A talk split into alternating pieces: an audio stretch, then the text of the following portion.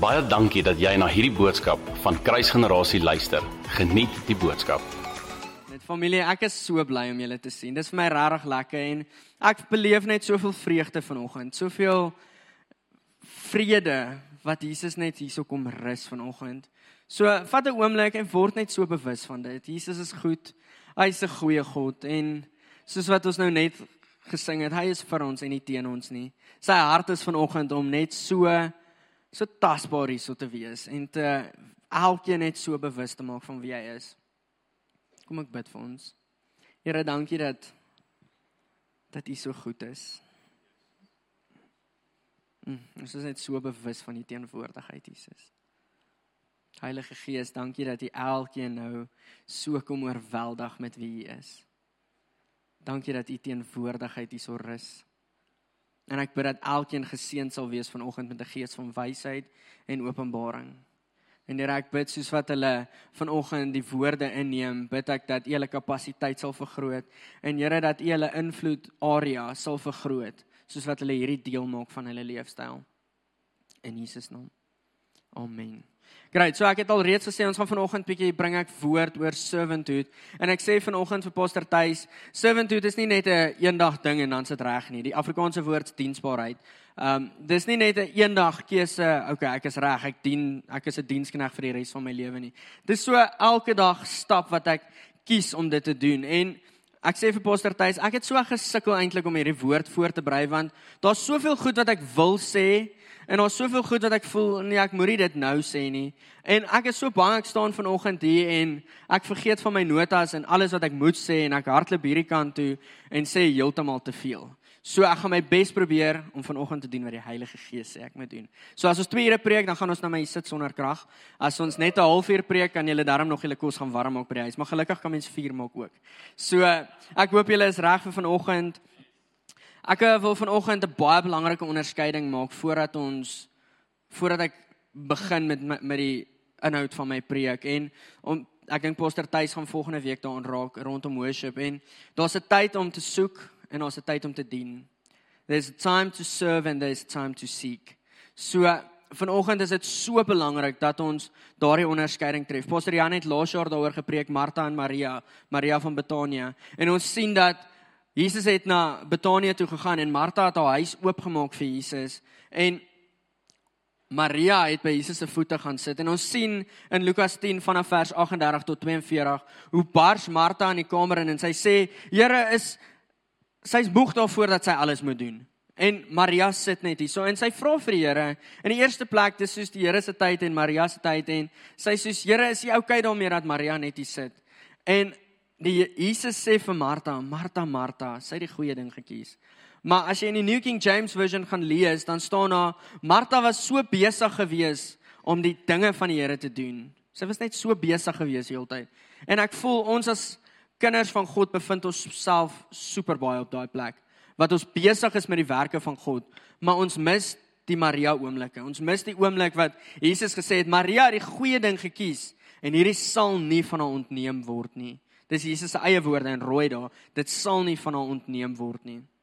So vanoggend preek ek oor diensbaarheid, maar ek wil hê ons moet onthou wanneer ek preek oor diensbaarheid, beteken dit nie net jy moet nou vir die res van jou lewe wel obviously ons almal moet 'n dienskneg wees, maar verstaan, dis belangrik dat ons daai lyn trek van waar is ek 'n dienskneg en waar soek ek Jesus? Daar's 'n tyd wat ons there's a time we, that we seek the son of man and there's a time of there's a time where we serve the son of man and there's a time where we serve the sons and daughters of God. So verstaan daar's 'n tyd wat ons so uh, dien diensbaarheid moet opsplit in twee areas. En eerstens om God te dien. Dit is daai wat Maria gedoen het om by sy voete te sit en haar duurste parfuum op sy voete uit te uit te gooi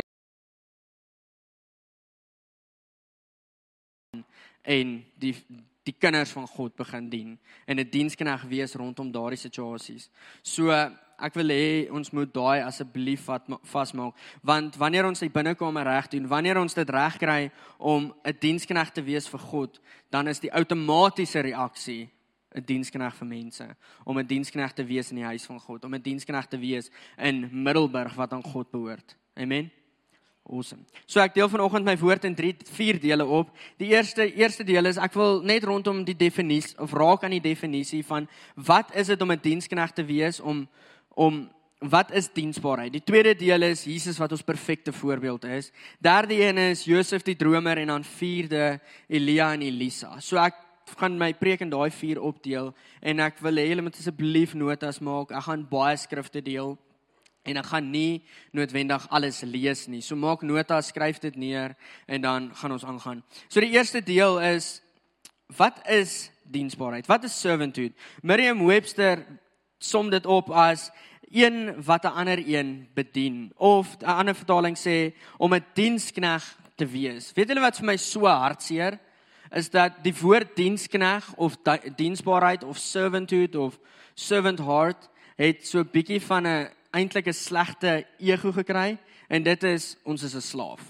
Want eers het daar mense opgestaan en baie mense waarmee jy praat sê die kerk het my seer gemaak. Momentum was dit 2 of 3 mense in die kerk en nou kry die kerk die naam wat iemand opgestaan het en jy was diensbaar. Jy was 'n diensknegt gewees en ek is hier so om te dien en dan het iemand jou misbruik en misbruik en eventually het diensbaarheid die naam gekry van ek is 'n slaaf.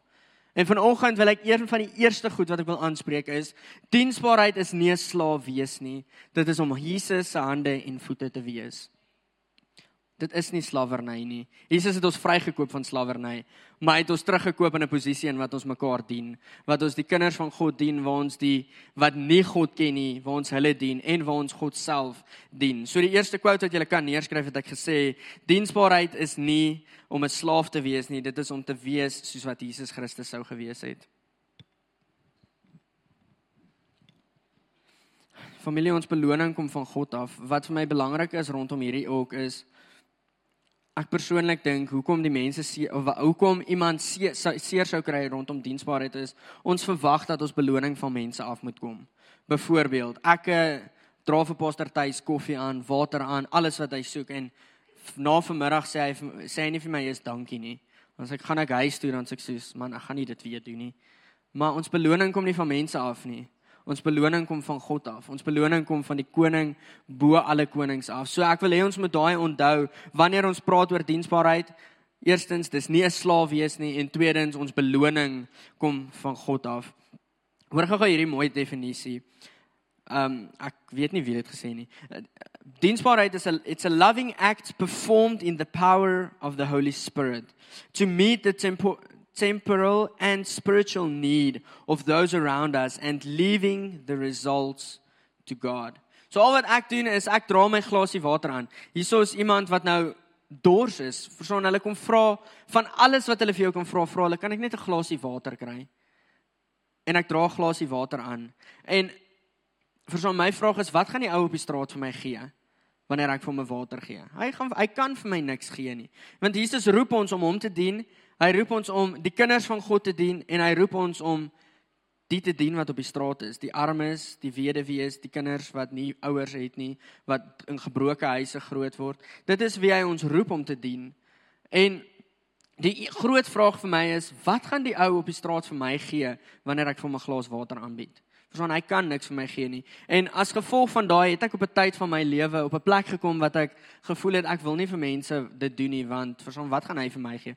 Wat kan ek kry uit die hele deal uit? En die Here moes my kom regstel het rondom dit en vir my bewus gemaak het van die feit dat dit gaan nie oor wat mense vir my kan gee nie, dit gaan oor wat God vir my kan gee. Kan ek julle vra om vir my vir my by Matteus 25 vers 40 oop te maak?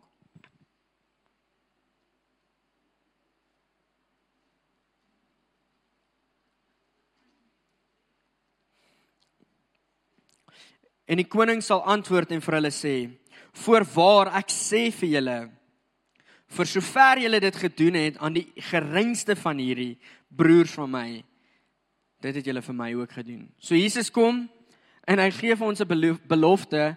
Dis waar ek kom aan die feit dat Jesus roep ons vir die ou op die straat ook. Jesus kom en hy sê: "Dit wat jy vir die minste van die minste gedoen het, vir die ou wat niks het gedoen het nie, jy doen dit aan my ook."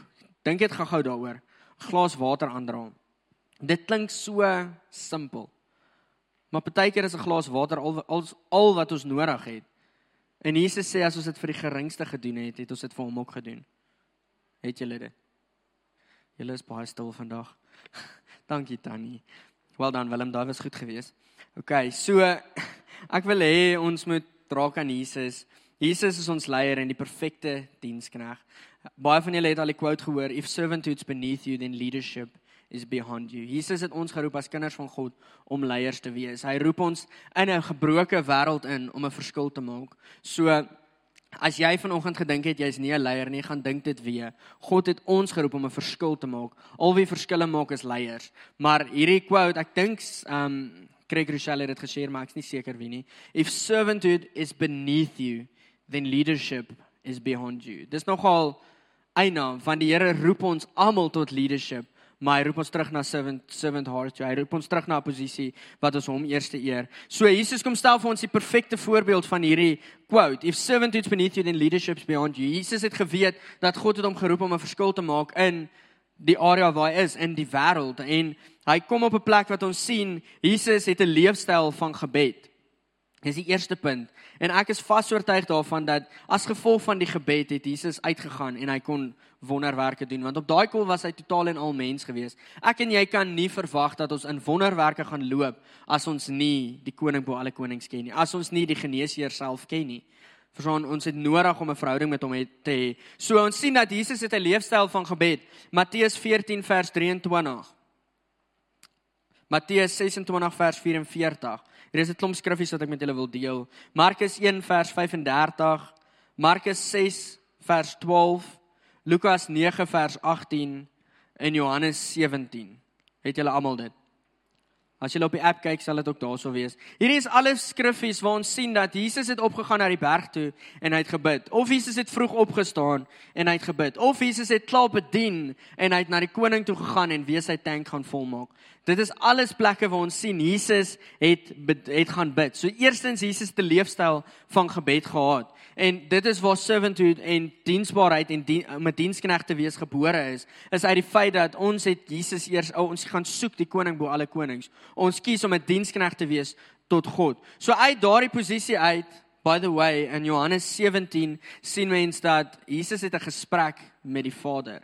Dis een van die enigste plekke in die Bybel wat daar beskryf word want ons hoor Jesus het gaan bid, maar die vraag is wat het hy altyd gaan bid? In Johannes 17 is 'n hele hoofstuk wat Jesus se woorde het. As jy in die New King James het, wat in rooi Jesus se woorde waar God met God praat. Dink net gou daaraan. Jesus wat God is, God die Seun praat met God die Vader.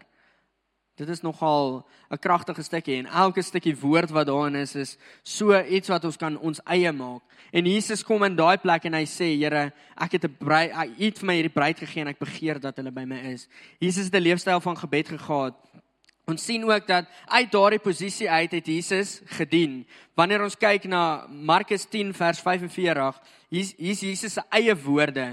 Die seun van die mens het nie gekom om gedien te word nie, maar om te dien en sy lewe te gee as 'n losprys vir baie. So Jesus kom en hy sê vir ons, ons is geroep of hy eh, het gekom nie om gedien te word nie, maar om te dien. Hy kom stel vir ons 'n perfekte voorbeeld. Ons leier, die een vir wie ons nou volg, het op 'n kol was hy 'n servant gewees en hy kom kom op 'n plek wat hy vir ons wys hoorie maar dit is die hart wat ons moet hê. As ons kyk ook in Mat Matteus 14 vers 25 tot 31 is daar 'n gelykenis van bedagsaamheid. Dit is waar Jesus die die groepe om hom aanspreek. Markus 5 van 5 vers 23. Jesus spreek weer die groepe rondom hom om aan. Um ons sien ook in Matteus 5 vers 23 dat dit die vrou is wat aan bloedvloeiing gelei het. En ons sien dat Jesus was op pad gewees na 'n huis toe waar daar iemand siek was en die vrou van bloedvloeiing het aan hom geraak. En vanoggend wil ek vir jou sê, wees altyd gereed om te dien.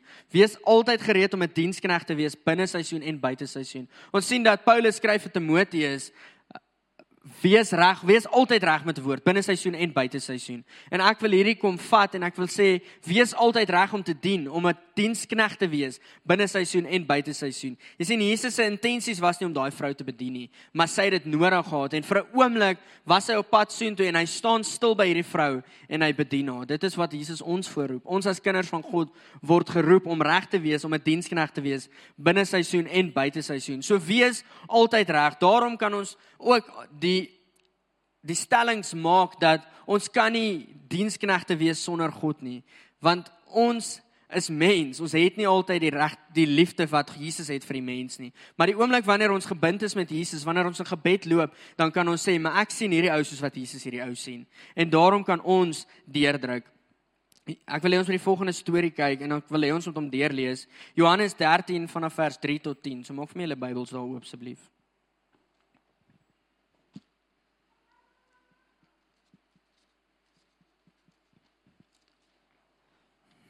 Hier is 'n baie bekende stukkie en ons almal het dit al gehoor.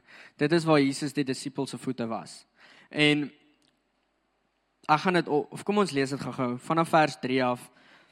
Het Jesus omdat hy wis Um omdat hy wis dat die Vader alles in sy hande gegee het en dat hy van God uitgegaan het en na God heen gegaan het, van die maaltyd opgestaan en sy boklere uitgetrek en die doek geneem en dit om hom vasgemaak. Daarna het hy water in die bak gegooi en die voete van sy disippels begin was en afgedroog met die doek wat hy omgehad het. Hy kom toe by Simon Petrus en sê vir hom: "Here, gaan U my voete was?" Jesus antwoord vir hom en sê: "Wat ek doen, begryp jy nie nou nie, maar jy sal dit hierna verstaan." Petrus sê vir hom: "U sal my voete in die ewigheid nie was nie." Jesus antwoord hom en sê: "As ek nie jou voete was nie, het jy geen deel van my nie." Simon Petrus sê vir die Here: "Here, nie net my voete nie, maar maar ook my hande en my hoof." Jesus sê vir hom: "Hy wat gewas is, het niks anders gedoen of niks anders nodig as om die voete te was nie, maar is heeltemal rein en julle is rein. En toe kom hy op 'n plek dat hy sê maar nie almal nie want Judas was tussen hulle gewees. Maar Jesus kom stel vir ons die perfekte voorbeeld, die koning bo alle konings, die een wat God was. In Johannes 17 bid hy: Here, herstel my terug na die posisie toe wat ek eens was saam met U in volheid, in volle glorie. So En in Johannes 1 lees ons dit, in Genesis 1 lees ons dit dat Jesus is ook God gewees en Jesus was saam met God gewees. En die koning bo alle konings het sy koningskap neergelê en ons kom bedien. Hy het die 12 disippels se voete kom was. En ja, ons daar's al baie oor dit gepreek. Daai voete was nie skoon gewees nie. Hulle het nie noodwendig die vorige dag gebad nie. Hulle het ver gestap ook. En Jesus kom was daardie voete. Die ultimate leier word die perfekte voorbeeld rondom hom te serve. Amen. Wel dan, daai was goed geweest.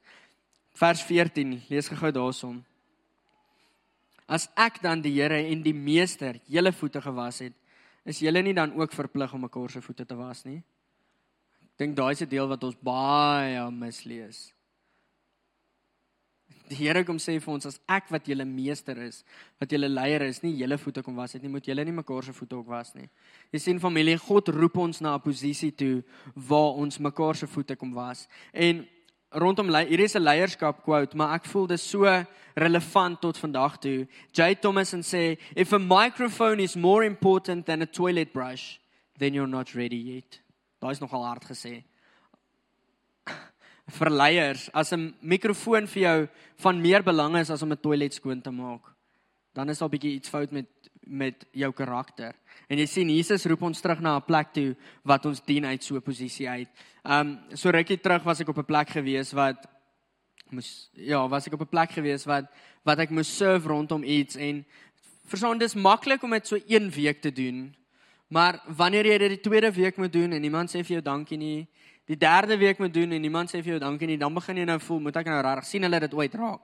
En ek was soos nee, maar ek gaan dit nie doen nie en dan sê Here, soos doen dit. En dan sê ek soos reg en ek kom net op 'n plek wat ek so bewus is van die feit dis maklik om te dien na eendag. Kom ons sê jy moet die toilette was. Jy sien nou die toilette is vuil. Jy het 'n hart om te dien.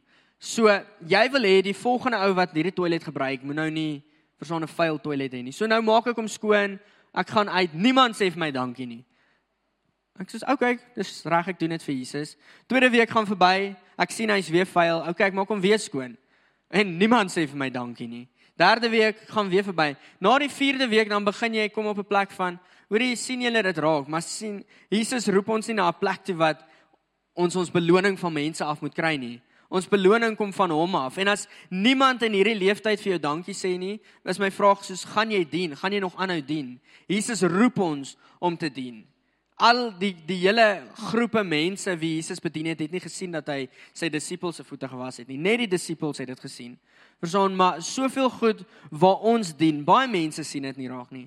Mense sien dalk nie raak hoor ek het eintlik vir jou 'n glas water gebring nie en jy dink o hy het net hier gestaan great so die ou wat elke keer water aandra kansel toe dankie tannie Mimi ons waardeer dit verstaan dit is dien in klein goedjies is om 'n dienskneg te wees in klein goedjies die volgende deel waarna ek wil raak is um Johannes die dromer en hierdie punt is wil ek vir jou sê vertrou die seisoen of Josef die dromer Josef die dromer. Sorry. Vertrou dat Jesus vir jou die beste in storie het. Kom ek som gou-gou Josef se storie op. Dis in Genesis 37 en dan gaan dit aan in Genesis 39.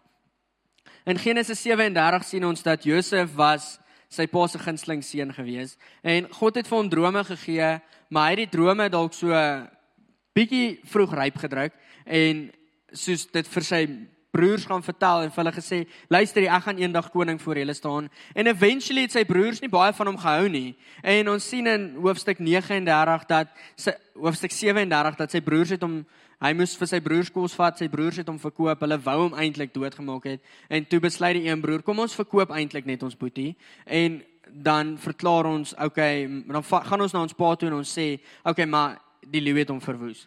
En toe besluit hulle kom ons verkoop hom een van die Midianese verkoopsmanne, Midianese verkoopsmanne het hom toe gekoop en in hoofstuk 39 sien ons dat Potifar hom weer toe gekoop het by die die ou. Dis 'n baie vinnige opsomming, gaan lees dit. Potifar het hom toe gekoop en hy het hom gebruik as as iemand wat in sy huis werk, 'n slaaf in sy huis. Kan ek vra dat ons gou vinnig na Genesis 39 vanaf vers 2 tot 9 toe blaai? Bill Johnson maak die stelling hy sê authority is used to serve period. So om 'n leierskapposisie aangestel te word beteken jy moet 'n dienskneg wees. Punt. So dit sien ons in Josef se lewe in Genesis 39 vanaf vers 2 tot 9.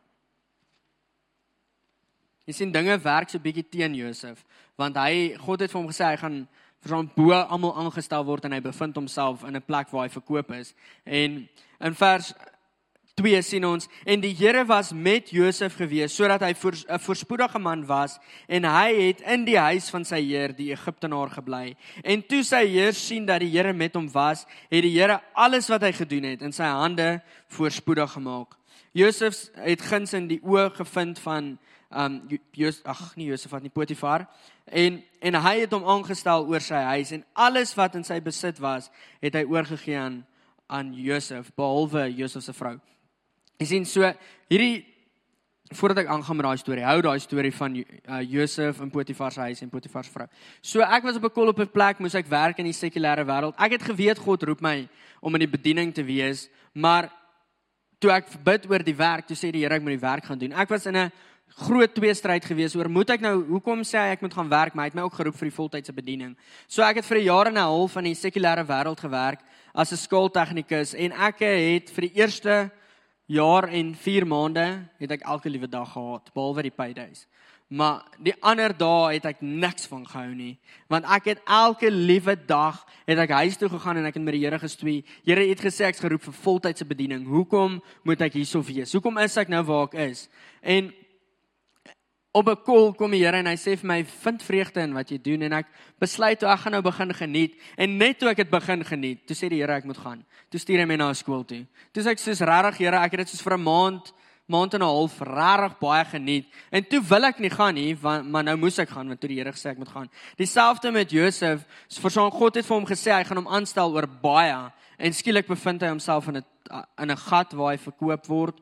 En waar hy glad nie eens meer in sy pa se huis is nie Maar die woord van God sê vir hom en die Here was met Josef gewees. Jy sien Josef het geweet in daai donker gat dat God het hom vertrou met baie. En God vertrou hom nog steeds met dit wat God gespreek het. En Josef besluit, maar ek gaan volg wat God sê en of ek nou in 'n slaaf se huis of ek nou 'n slaaf in Potifar se huis is of nie, gaan ek dit wat God vir my gee het, gaan ek goed doen. En Potifar se vrou kom toe na hom. Hulle die woord van God sê dat Josef was 'n uh, onttreklike man soos ek gewees. En Dankie my liefie. Dankie Jape. Josef was 'n aantreklike man geweest en Potifar se vrou was agter hom aangewees. En Josef het geweet dat God het nie Potifar se vrou aan hom toevertrou nie. Potifar het gesê alles wat myne is gee ek vir jou. Hy het nie gesê dat nie my vrou nie, maar Josef het daarom geweet wat God se waardes is. En Potifar se vrou kom na hom toe en sê vir hom: "Hoorie maar, hê gemeenskap met my." En hy sê: "Nee, die Here het my met alles vertrou wat julle sin is behalwe sy vrou." En daarom wil ek vanoggend vir jou sê: "Wees vertrou die Here in die seisoen wat hy vir jou het." Want dit was Potifar se vrou. Ek dink nie sy was 'n lelike vrou gewees nie.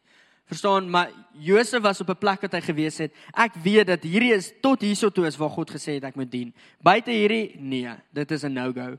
Verstaan, so wees bewus van waar God jou roep om te dien en vertrou hom dat die seisoen waar jy is 'n goeie plek is. As jy vir 'n seisoen moet toilette skoonmaak en niemand sien jou nie, dan sorry ek gebruik net die toilette skoonmaak want dit is 'n ding wat niemand wil doen nie.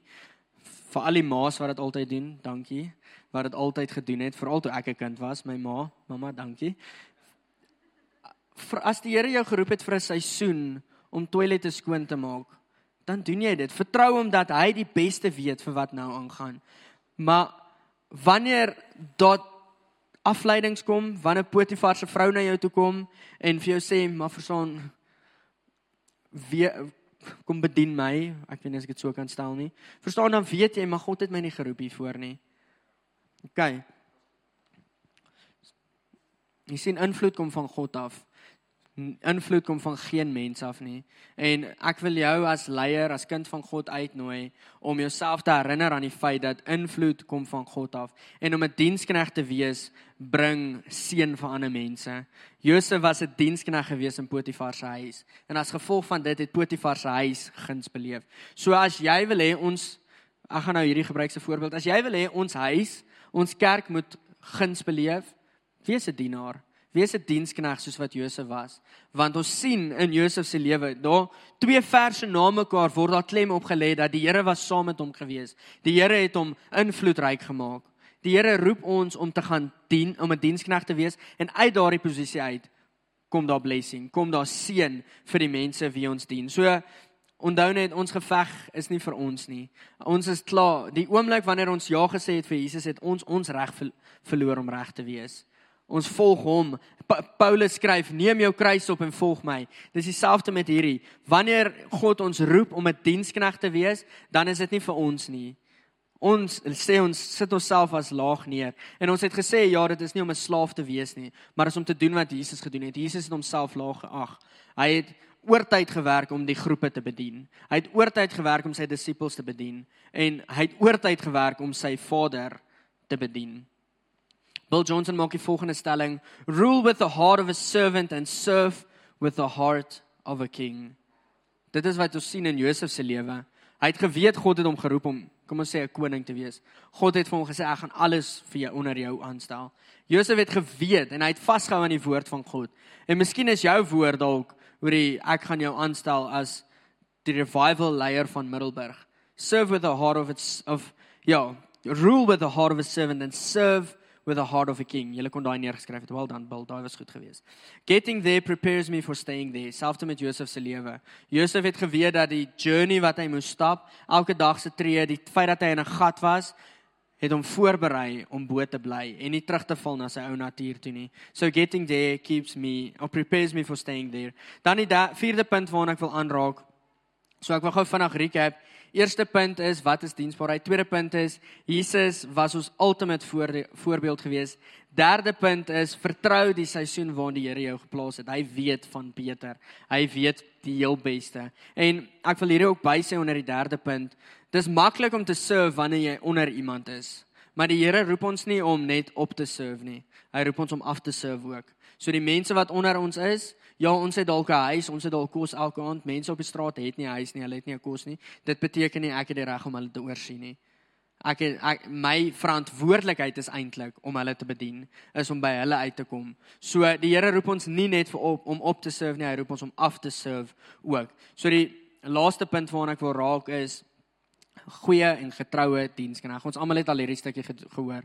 Well done, good and faithful servant. Ons sien dit met die muntstukke, maar ek wil raak aan Elia en Elisa se lewe. Familie is julle nog met my? Ek weet vandag is nou uh, baie skrif en baie teaching, maar ek wil hê ons moet weet dat die servanthood is deel van ons pilare en dit beteken nie ons is hier om 'n slaaf te wees nie. Dit beteken nie ons disrespekteer mekaar nie. Dit beteken ons lyk like soos wat Jesus lyk. Like. So die vierde punt is well done good and faithful servant. Goeie en getroue dienskneg. Jy sien in Elia se se ministry, jy kan dit gaan lees in 1 Konings 18 vanaf vers 16 tot hoofstuk 19 vanaf of tot vers 21.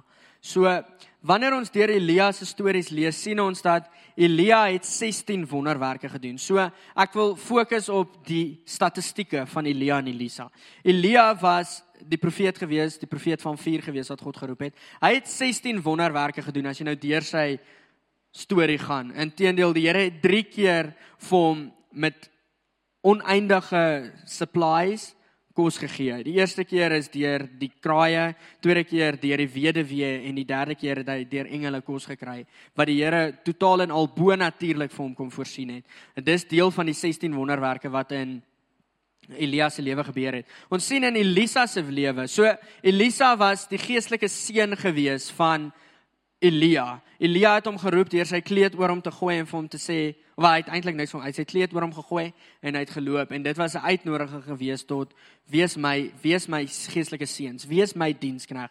En Elia, Elisa, ek raak so die mekaar dis nou twee. Elisa, die seun, het toe met alles vir Elia gevolg. En op die ou einde van Elisa se lewe sien ons dat Elisa het 32 wonderwerke gedoen. En dit is vir my so kenmerkend die feit dat hy het dubbel gedoen wat sy geestelike vader gedoen het.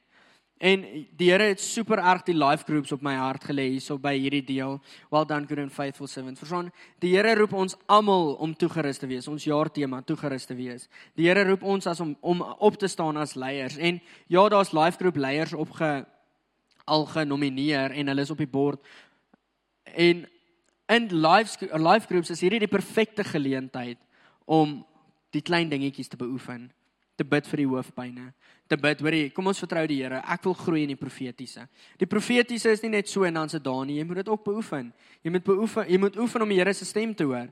So die live groups is 'n perfekte geleentheid om dit te doen maar selfs in leierskap posisie ook. Ek hoop as jy alreeds in 'n leierskap posisie is dat jou hart is dat die ou wat onder jou is verder sal gaan as wat jy gaan. En ek eer Pastor Jan daarvoor vanoggend. Hy is die beste leier wat ek nog ooit geken het.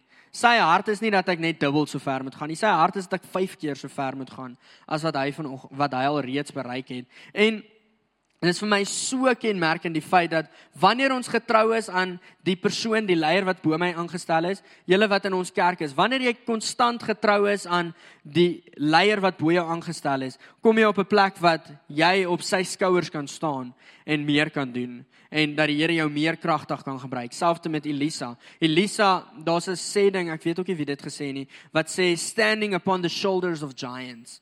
En ek weet dat Pastor Jan en die leierskap van hierdie kerk al alreeds op 'n plek is wat ons voel ons doen wat God vir ons sê. Amen. Ja, wat ons doen vra voel ons doen wat God vir ons sê.